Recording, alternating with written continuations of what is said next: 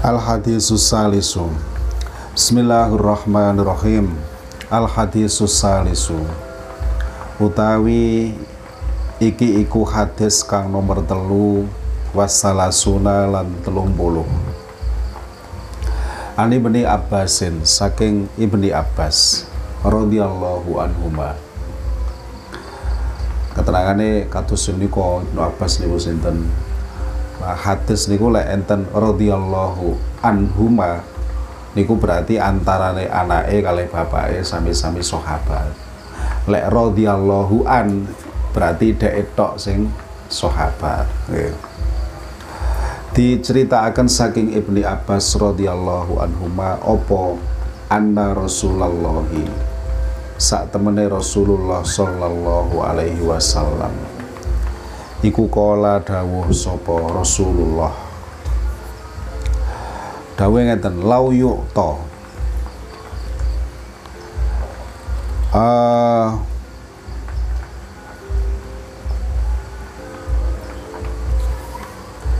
lau yukta lamun den wenehi sapa annasu menungso? Bidakwahum kelawan oleh dakwa menungso. Ya. Lamunna menungso iku dimenehi hukum sesuai karo dakwaane utawa tuduhane. Dakwaane iku jenenge tuduhan. Ladda'a mongko yektene dakwa sapa rijalun pira-pira wong lanang. Amwala kaumin ing pira-pira bandane kaum. Wadima'ahum lan pira-pira getihe kaum.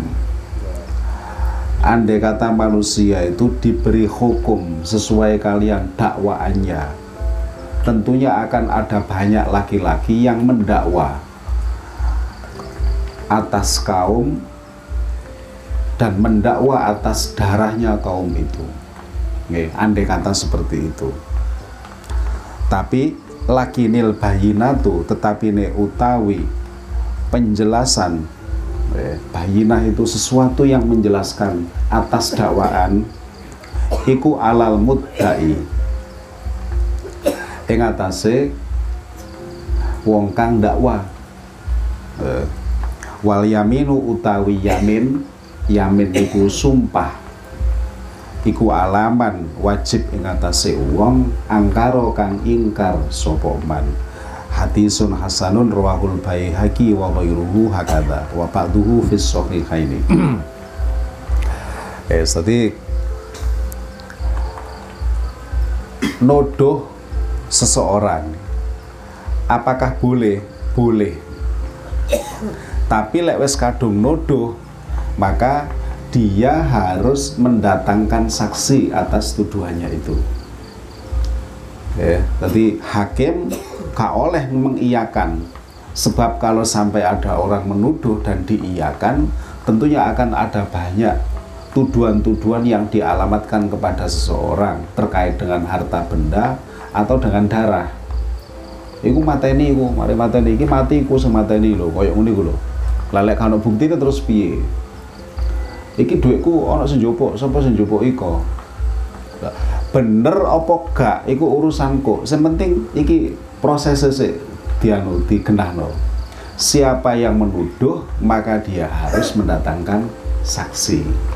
Kalau saksi itu sudah ada dua orang menyatakan iya kuat maka dok berarti apa yang dituduhkan itu benar tapi jika kemudian tuduhan si penuduh itu tidak bisa mendatangkan saksi, maka yang dituduh sumpah. Benar. Sing dituduh niku sum, sumpah. Karena banyak loh, banyak kejadian tiang niku sakjane memang nyatane niku melakukan sesuatu, tapi berhubung kan saksi nih, lah akhirnya gak iso di, dihukumi wong ora ono saksi kok Nah, jika terjadi seperti itu atau kasus lain, dia tidak bersalah. tapi penuduh tidak bisa mendatangkan saksi. Terus ya apa lek ngono? Maka dia bersumpah. Demi Allah bahwa saya tidak melakukan apa yang dituduhkan. Ya sudah selesai. Ngoten ngoten nggih tadi makanya pada kasus yang namanya kodaf atau tuduhan zina. Niku nggak bisa sembarangan. Tadi orang iso terus misalnya cuma nono uang berlainan jenis keluar dari rumah berdua-duaan atau keluar dari hotel otomatis dia itu melakukan zina. Kecuali kita bisa mendatangkan saksi dan melihat bahwa memang ada aktivitas persetubuhan lek ndak gak iso nggak bisa orang wis pokok elek kabeh wong ngarani lo gak iso ngono gak iso nggak bisa harus ada saksi yang menyatakan bahwa terjadi seperti itu. Oke. Kita punya barang, kemudian kita itu dicuri, kita nggak bisa mendatangkan bukti bayinah itu bukti-bukti, bisa saksi dan lain sebagainya. Oke. Kok gak, gak bisa kemudian menjelaskan seperti itu, hakim gak bisa kemudian menghukum uh, tiang yang kita tuduh itu. Senajan hakikate memang dhek sing njupuk gak bisa. Ya jadi prinsipnya adalah lebih baik salah tidak menghukum daripada salah menghukum. Niku fatal. Dan itu dari mulai dulu sampai sekarang kaidah ini dipegang lebih baik salah tidak menghukum daripada salah menghukum. Bahaya salah menghukum niku. Wong sing asale api-api iso tadi elek gak karu-karuan gara-gara hakim salah menghukum. Ngoten nggih. Jadi mending salah gak ngukum daripada salah ngukum. Jadi niki dasar-dasar nopo niku senenge peradilan agama niku uh, temriki ngoten nggih lebih baik uh, wau salah tidak menghukum daripada salah menghukum. Ono wong kok dituduh kudu ono saksi atau petunjuk yang dihadirkan. Lek ono hakim memutuskan. Jika tidak, maka orang yang dituduh bersumpah. Nah, ngoten. Oh niki hadis nomor telung boloh pinten? telu. Al hadis surabiu. Uh, utawi iki iku hadis kang nomor papat wasalasuna lan telung bolo hadis yang nomor telung bolo papat an Abi Sa'idin al Khudri diriwayataken saking Abi Sa'id al Khudri radhiyallahu an.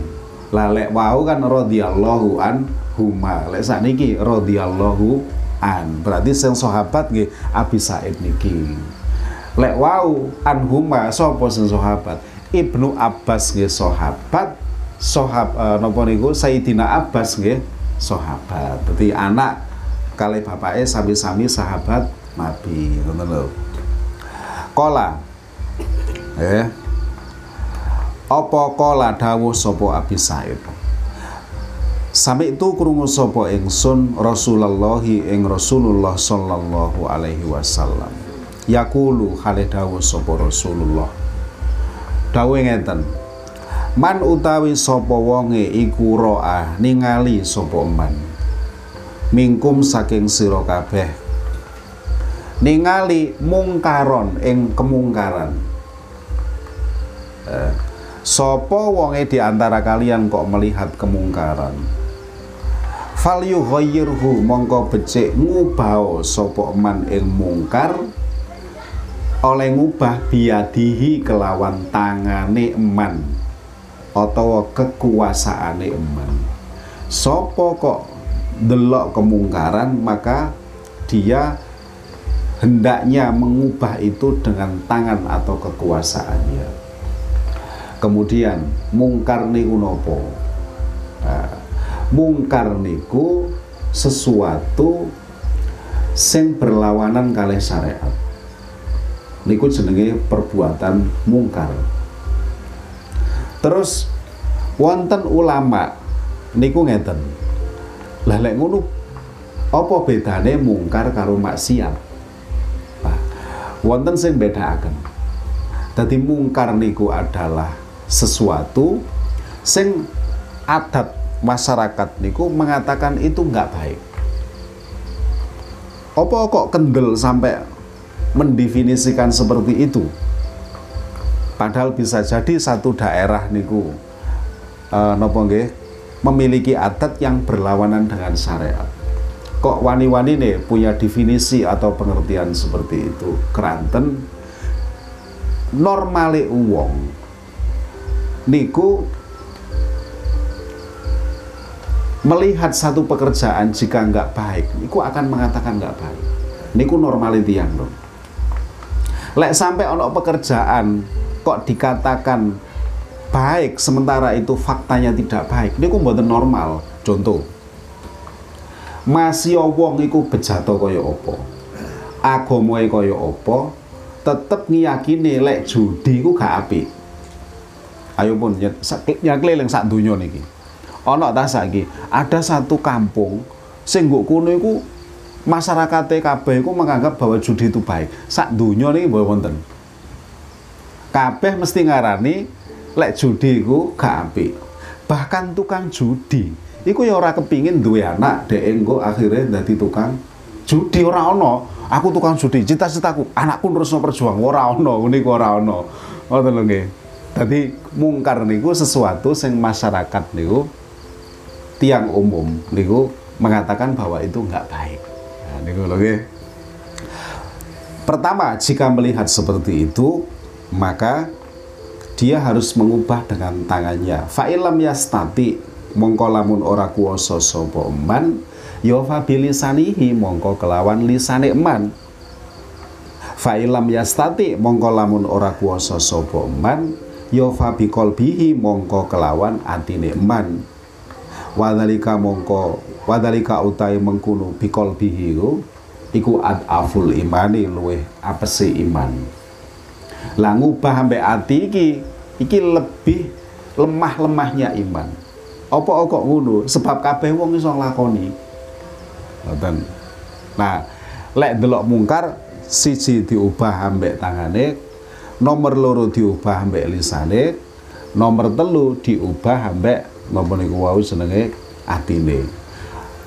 Kemudian ulama mengatakan, apa iki merupakan satu urut-urutan yang harus diugemi kayak begitu. Tadi pertama aku dua ambek tangan, kedua berarti ambek lisan, ketiga baru ambek hati.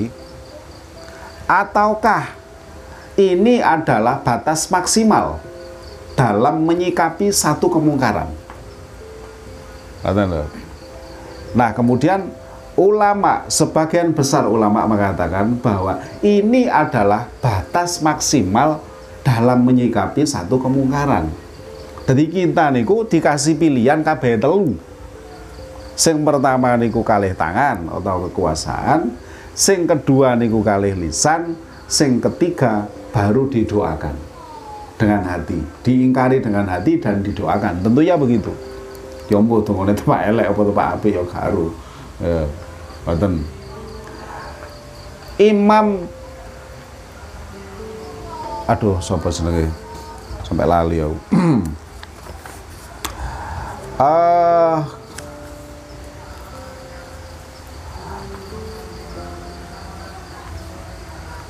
Sa'roni niku nggih Imam Sa'roni niku menyatakan bahwa menawi tiang niku kagungan posisi yang bisa lopo memberikan satu hukuman maka yang pertama niku layak. Nih lek uang iku punya kuasa maka tentu pilihannya adalah yang pertama nopo diubah kali tangan nih wong jenenge duwe kuasa kok. Nggih. Oh, tapi lek gak ojo. Oh terus ini sinten niku? Imam Imam Sa'roni kalau yang kedua dengan lisan siapakah? Ulama. Pantese nuturi ya mbek lisane dikandani karo lisane. Lajeng sing ketiga, sing ketiga niku terus sinten? Sing ketiga niku tiang sing boten mampu keduai.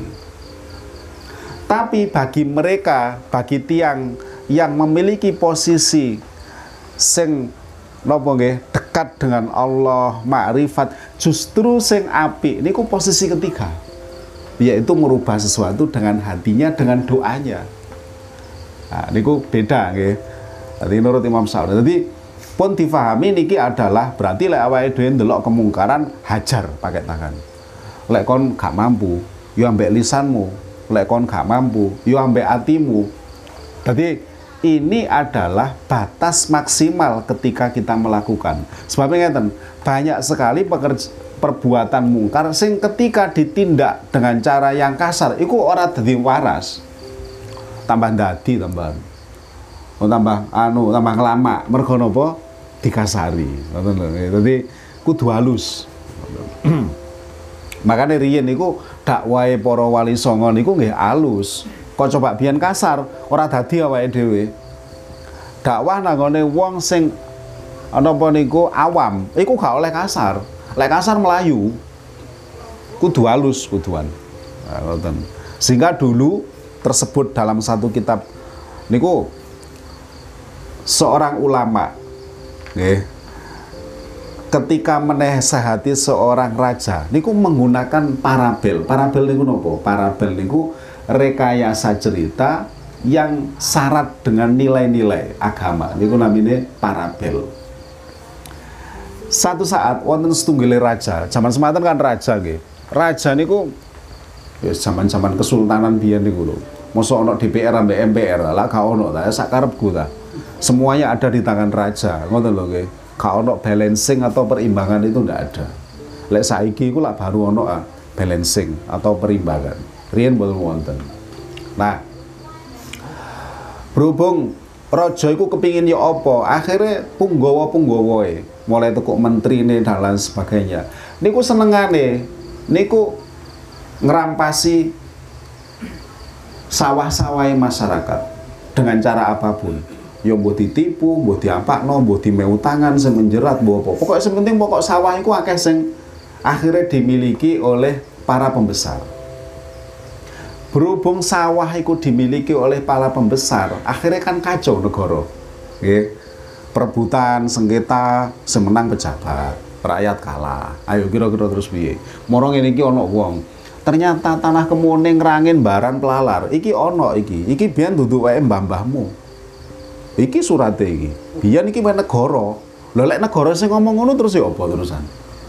Awake dhewe protes polisi teko langsung pirang-pirang truk. Terus terus piye terusan awake dhewe umpama lho niki nak untuk bilang niki iki contoh. Lek negara lek kadung kepingin kan gak kurang akal nggih. Akhirnya nopo banyak tanah niku yang dimiliki oleh penguasa.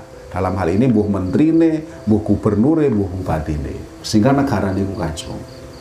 Iki terus piye lek no raja kaya ngene iki. Apa ya terus moro maju terus dielekno ngono wae ya iso-iso. Mulai kari mek ceritane nggih wong zaman biyen. Wong zaman saiki iso kaya ngono pamane zaman biyen nggih. Jenengan saat ini yang tidak puas dengan sistem pemerintahan, jangan kula kandani, biyen lho nemen. Ngoten lho. Saiki sik wah saiki ku penak gitu. Sik wedi katanya mikir pikir-pikir sih an. Mau mana zaman sing sak niki nggih zaman ono golongan Facebook niku wah tambah sadis iso-iso pemerintahane didolimi. Mergo napa ayo diviralno rek. Waduh dihujat bareng iku nggih. Lek biyen gak ono ngono, gak ono virale gak ono biyen. Pun. Nah, satu saat kemudian salah seorang ulama niku pinter aja diundang raja ki jagongan ngeten niki lho. Raja iku masih raja lak butuh tah kanca jagongane. Mosok raja iku mek kowah-kowah nunggu singgah sana lho ambek sapa terusan? Ah jagongan. Akhirnya bengi ngeten niki ana suarane burung hantu. Ngerti jenengan burung hantu? Apa bahasane burung hantu apa oh beluk ah. Jadi mau beluk lah. Kan suaranya ngono iku jare raja ning ngene. Gak iki suarane apa sih mulai mau? Niku kok beluk niku? Lah jenenge wong jagongan niku lak ngelalar ah cerita niku awake dhewe jagongan lho. Ngono iku kok beluk lah apa ya kok muni jagongan ngawur. Ah iki wis baru dia kemudian bicara. Anu raja, kok beluk niku? Nembe mawon diparingi syarat kali pacare Loh, lah pacare lapo? Jagongan lho iki. Masih raja ya iso ngono iku jagongan. Pacare lapo? Pacare kepengin dinikah. Tapi niku gak ada syarat. Apa syaratnya? Terus iku kok beluk wedok niku ngeten. Kon gak apa-apa nikahi aku. Tapi yang ngono, aku syaratnya meono 10 desa, 20 desa sing hancur. Sing nggo kono iku pertaniane elek, masyarakatnya gelisah, resah, kacau. Syaratnya ngono. Oh, ngono ya. Terus jarine kok kok beluk lanang. Ojo orang bolo, mbok masih satu, pokok rojo dhisik iku aku iso. Niki anu lho kok beluk lho niki raja senes kula. Ah, niki namine parabel gitu.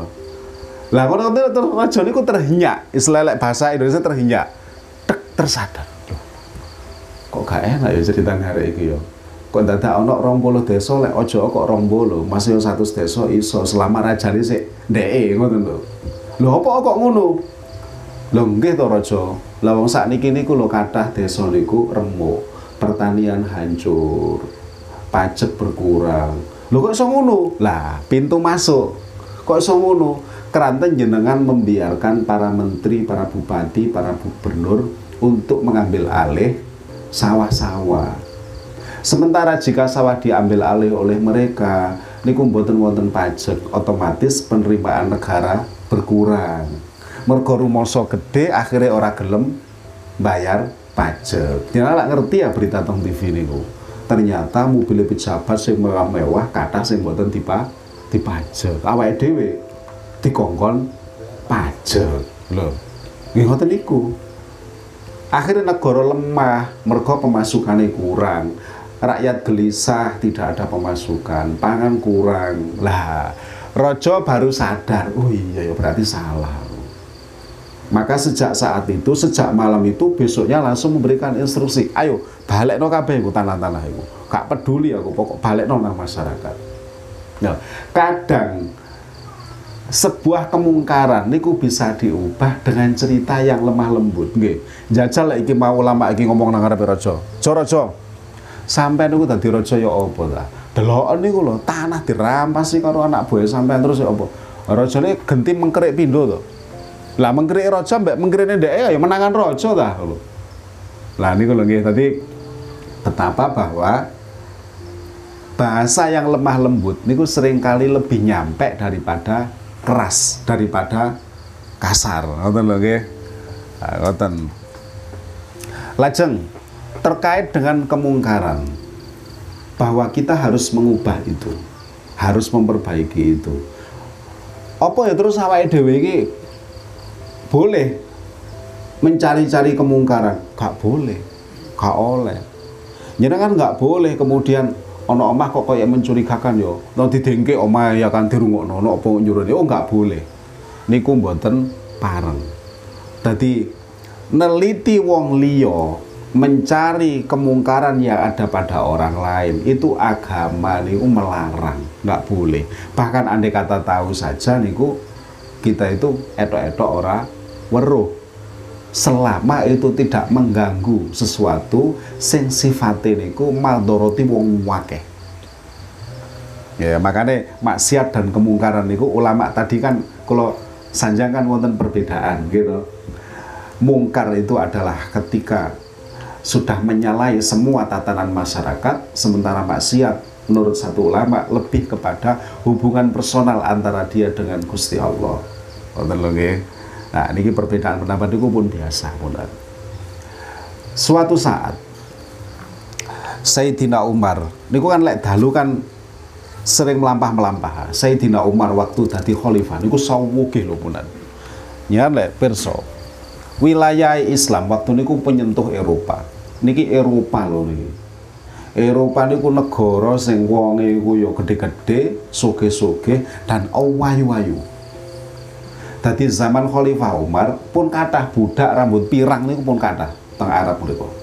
Gara-gara nopo kalah perang gitu. Nek biyen kan to, kalah perang berarti tadi budak. Kayak ngoten niku Sayyidina Umar lek dalu niku sering melampah-melampah. Dadi khalifah niku. Maharaja lho niki pun. Napa kok ngoten? Delok kondisine rakyat kaya apa?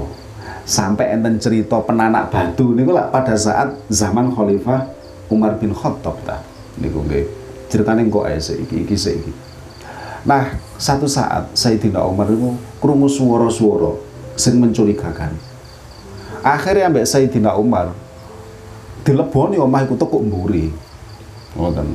Digertak kali Sayyidina Umar pada saat itu. Karena Sayyidina Umar mendapati di situ ada seorang laki-laki ono wedokane ono arae lo wis pola wis. Cangkep toh ono wong wedok ono arak nggih ono laki-laki lain. Lah wis toh wis cangkep barang diketak ambek Sayyidina Umar piyambake terus sanjang pun kesusu ya khalifah ya amirul mukminin. Jenengan pun kesusu jenengan niku berbuat yang seperti ini niku pun melanggar tiga hal.